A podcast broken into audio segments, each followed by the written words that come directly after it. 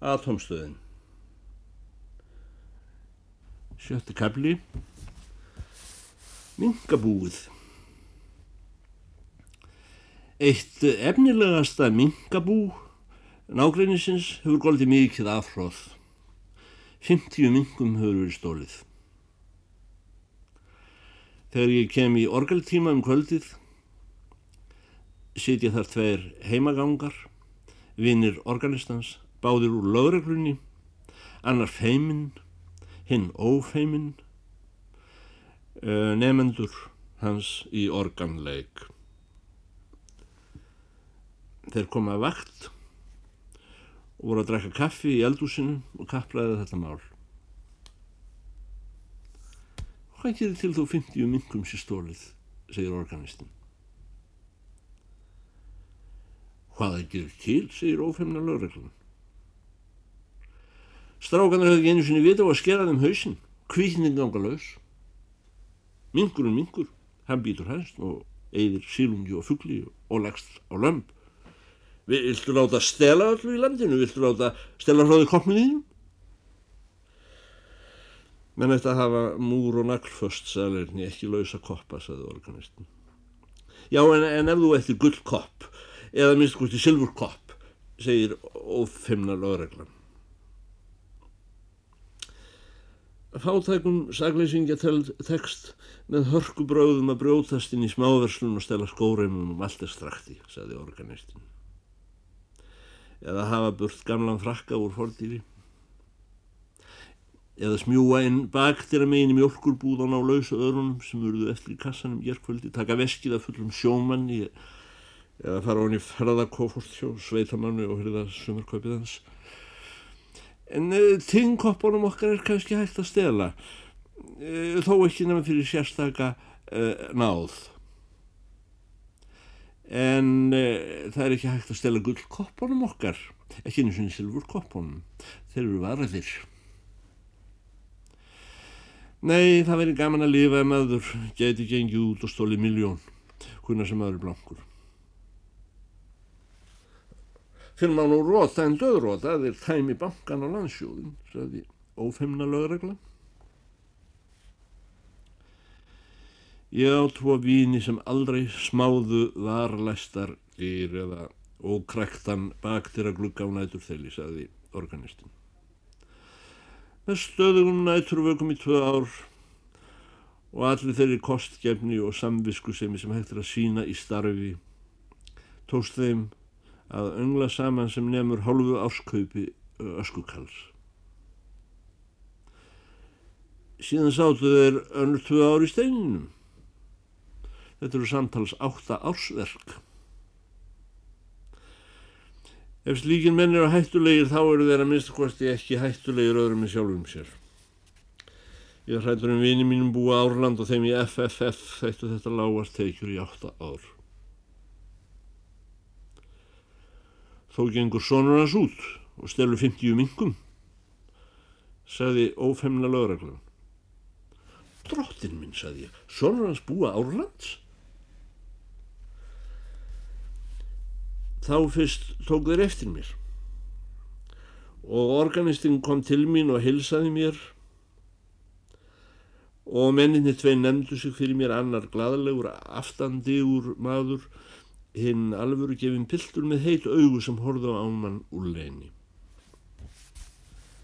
Þeir hjá lauruglunni höfðu komist á snöðurum að að Þórður Búason litli, hann sem það kalla Bóbó hafiði á samt félaga sínum stólið þessum 50 kvíkindum. Þeir höfðu skorið nokkra en hjá ellið á en mist afgangin. Þegar góð börn betra fólks gang út á kvöldin áður en þeir hátta, sagði organistin, og stela sér til skemmtunar 50 mingum, nokkrum kössum að vara hlutum í skurðgröfur, ellegar símanum upp í Mosulsveið, þá er það álíka raugrétt viðbræðið umhverfinu eins og verk vina minna tveggja sem ég var að segja ykkur frá og álíka saglust. Það er ekki hægt að komast hjá því að hlutur sem liggur í saltvatni tæki sig salt. Sá þjófnaður sem máli skiptir gerist eftir og móti annar staðar. Þú spurðir hvort ég vildi láta stela öllu í landinu. Nú skal ég segja lendarmál. Það er öllu stólið í landinu. Og bráðum er landinu stólið sjálfu. Ég stóð enn gónandi með vellingana á, á miðjugólfi. Hvað verður gert við auðmingja batnið, sagði ég. Sem betur fyrir ekki neitt, sagði organistur og hló. Nefn að lauruglustjórin símar honum pappans og þeir skrabla saman um eskulíðin, stundarkorn og hlæja og ákveða næsta brittskvöld. Því miður, sagði ófemna lauruglan. Svona pegja eitt að flengja ofinbarlega á Östruvelli. Organsinn hlóð af góðsemi og vorkunleiti en fannst aðtugasendin of ennföld til að svara. Þá sagði femna lögreglan sem fyrstu orð og ávarpaði starfsbróður sinn. Hef ég ekki oft sagt þér að þeir innræta ykkur þá réttlætiskend sem þeim hendar besti hafið. Þú hefur smáborgarlega réttlætiskend. Ég ætla að fara að segja eitthvað fleira en organistinn kom þá til mín og tók utanum mig og leiti mig úr eldúsinu inn í stofuna, lokaði á eftir okkur og let mig sett hjast við orgelið. En þegar hálftími var liðin og organistinn opnaði fram í eldúsið aftur þá satt femna lögreglan þar enn og var að lesa í bók, en ófemna lögreglan að fara heim til sín. Fyrir gefið, ég nefndi ekki heim í koforti mitt, saði hann, en nú fer ég að fara. Hann hafði heilast tennur og þegar hann brosti var hann alveg baslegur en óðar en varði setti hann í brúnirnar aftur og, og fór að horfa á allt úr leini. Þannig að stelpa segir við sjálfa sig og ákvæmski við dálítið sérstakt hann er öðruvísi en hinnir og samt fannst mér ég þekkjan þekkti hann mig Sittu sem lengst að organistinn. Nú skal ég hitta meira kaffi. Ekki meira kaffi bíli, saði femnalóreglan. Nú fer ég. Það er alveg satt sem þú sagðir. Það er ekkert vil að vera smá þjóður. Slíkt er aðeins skemmtum fyrir börn. Og, og aumingja sem halda áfram að vera börn eftir að eru orðinir fullorðinir. Aðeins má ekki draga þeirri staðræðin þá álygtun að maður eigi að gerast lögþjóður, saði organistinn.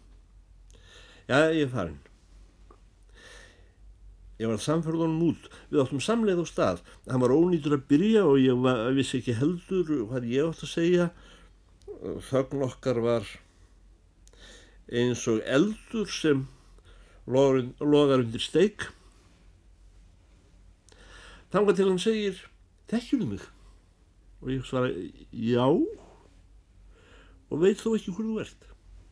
Ég þekki þig, segir hann. Hefur þú séð mig, saði ég, og því játti hann.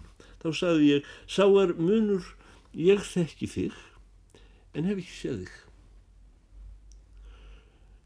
Vist hefur þú séð mig, saði hann.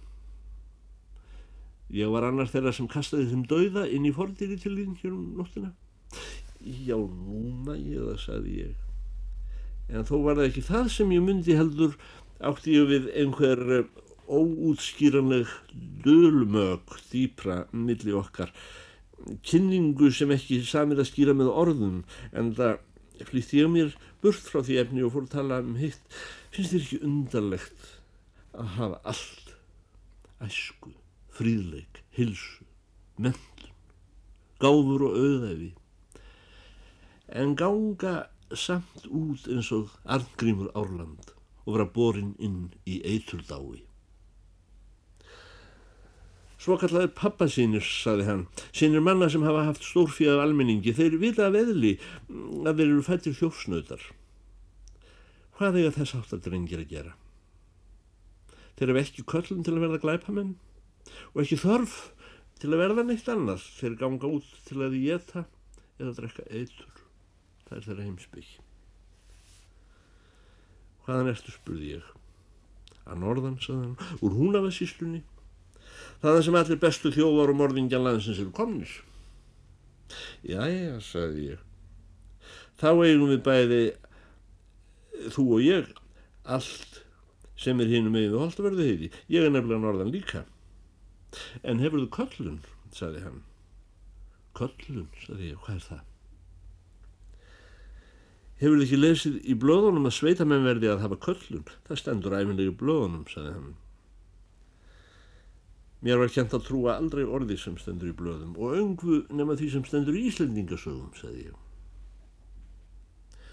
Ég leisti klárin frá sláttuvílinni einn dag upp úr hádegi á miðjum túnaslætti, saði hann, og fór söður. Hvað að gera, saði ég. Það var kölluninn, saði hann. Og nú hef ég ratað í þá óhamingu að læra orgel hjá þessum manni. Óhamingu, saði ég. Já, hann skilur alla svikamilluna. Hvað á ég að gera? Er þetta ekki lögreglunni, spyr ég. Það eru ekki aðtrið, segir hann. Ég spyr, hvað er aðalatrið? Það er einmitt það sem ég er að spyrja um, segir hann. Ég segi, við erum eins og hverjir aðri sveitamenn á mörðinni. En þú sem hefur köllun, Líkt á 200.000 naglbíta, segir hann. Þennan uppgjafa drikkjuræfil sem einu sinni gæt ekki nema öskrað. Nú er hann bæði orðin heilagur maður og formaður í þjóafélagi fyrir snorrættu New York. Hann hefði keift ekta Rolls Royce ef breytar hefði ekki neyðið að smyrja þess konar vekk fyrir Íslanding, svo hann var að kaupa kátil í ák. Af hverju á ég að vera slá græs sem aldrei ætlar að þóna? Eða hlaupa på fjall eftir eldstyggri rollu? Akkur get ég ekki haft FFF fyrir snorrið til New York eins og hann? Við erum þó sem sveit. Akkur get ég ekki byggt kirkju fyrir norðan til að storka þessum söðbændum? Af hverju get ég ekki orðið aðalmaður í sjálfrannsóknarfélagi? Af hverju hafa blöðin ekki gert, uh, fyrir ekki við, af hverju hafa blöðin ekkert eftir mér um Guð, sálina og annan heim? Og af hverju get ég ekki haft atomskált fyrir sendisvein? og briljantínskan Guð fyrir skemmuðörð. Ég gekk þó í skólan á Akureyri og ekki hann og þar hafði ég gerðið tónskáld. Ég er vissum, organistin okkar veit hvað við öll ættum að gera, sagði ég. Það er innmitt óhæmingjan, segir hann. Nú er ég hrættastur um að fari fyrir mér eins og Guðónum tveimur af því einu að læra hjá honum skalan og drekka kaffa á eftir hafa þeir á tæpu ári mist köllunina og verði þeim á að basvana að brjótast inn þá kom þeim með peningana heim til hans og rífað á syngjandi og uh, flegið þeim á gólfi og hann uh, lætur þá í eldin Já, hann er sá maður sem mig langar mest að skilja, saði ég. Ég hef ekki verið hjá honum nema fáina hálftíma en í hvert skipti gefur hann mér blóm segðu mér um hann. Ég er alltaf komin gegnum skalan hans enn, sagði hann, og kaffið á ég mest ódrukkið. Og þó er ég strax orðin hálf eðalagðun maður, hvað mun setna verða? Hann gerir ægilegar kröfur. Siðferðiskröfur, spurði ég. Nei, sagði hann, þér eru ótt að drýja alla glæpi heimsins. Á glæp lítur hann eins og ósmekklega skrýtlu þó reyndar finnist honum hugssjón borgarans hverstagsleg meðalhegðun en þá hlægilegri og hetjuskap hvort heldur til góðs eða íls þekkjar hann ekki fremur en bókinum veginn. En ja, hvaða kröfur þá, spyr ég. Í stuttumáli fyrsta krafan er svo að þú byggir skálskapin á hlutlægu sálarfræðinni og lífverðnurfræðinni önnur að þú hefur fylst nákvæmlega með því sem hefur komið fram í málverki eftir daga kúbismans og að þriðja að þú viðurkennir bæði fjórðungstón og bannhljóm og meira segja getur fundið púðrið í trumbusólu. Ég návist þess að manns finnst mér ég vera eins og andstíkileg patta og samt segir hann það afræk eins og mig líkt á húsi mitt eins og þú eigir það. Þú hlýtur að vera meir en lítið mentaður sjálfur að geta skiljið hann, sagði ég, ekki myndi ég skilja hann ef hann fær að tala svona. Hvað er fjórðungstóðn og kúbismi eða bókinum veginn? Hann svaraði eftir stundarþögn. Þú lætur mig tala og nú hef ég talað yfir mig. Það er veikleika merki. Samt hefur þið ekki sagt mér það sem þú hugsa, sagði ég. Vita skuld ekki, sagði hann. Til þess talar maður að leina hugsun sinni. Ef þessi maður eitti miljón hugsaði um mér og ef hann væri eins og 15 árum eldri þá væri ekki mikill munur á honum og doktornum, kannski enginn. Sálinn í þeim er eins á litin. Nefn að ég fekk ekki inn nén að tala við þennan eins og við hinn. Báðir höfðu í ríkum mæli þann íslenska hæfilegur forsögum að tala í spotti um það sem stóðum hjartanæst, þessi um köllun sína, hinn um börn sín. Pilturinn sem ég var hjá nokkur kvöldinu sinni aldrei sagði hann neitt. Og aldrei veit ég hvað hann pappi minn hugsar. Maður sem segir hvað hann hugsar er hlægilegur. Að mista kosti augum hvernmans.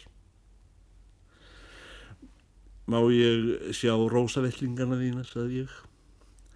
Hann lofaði mér að sjá rósavellingarna sína í byrstu frá götu ljóskeri um nótt.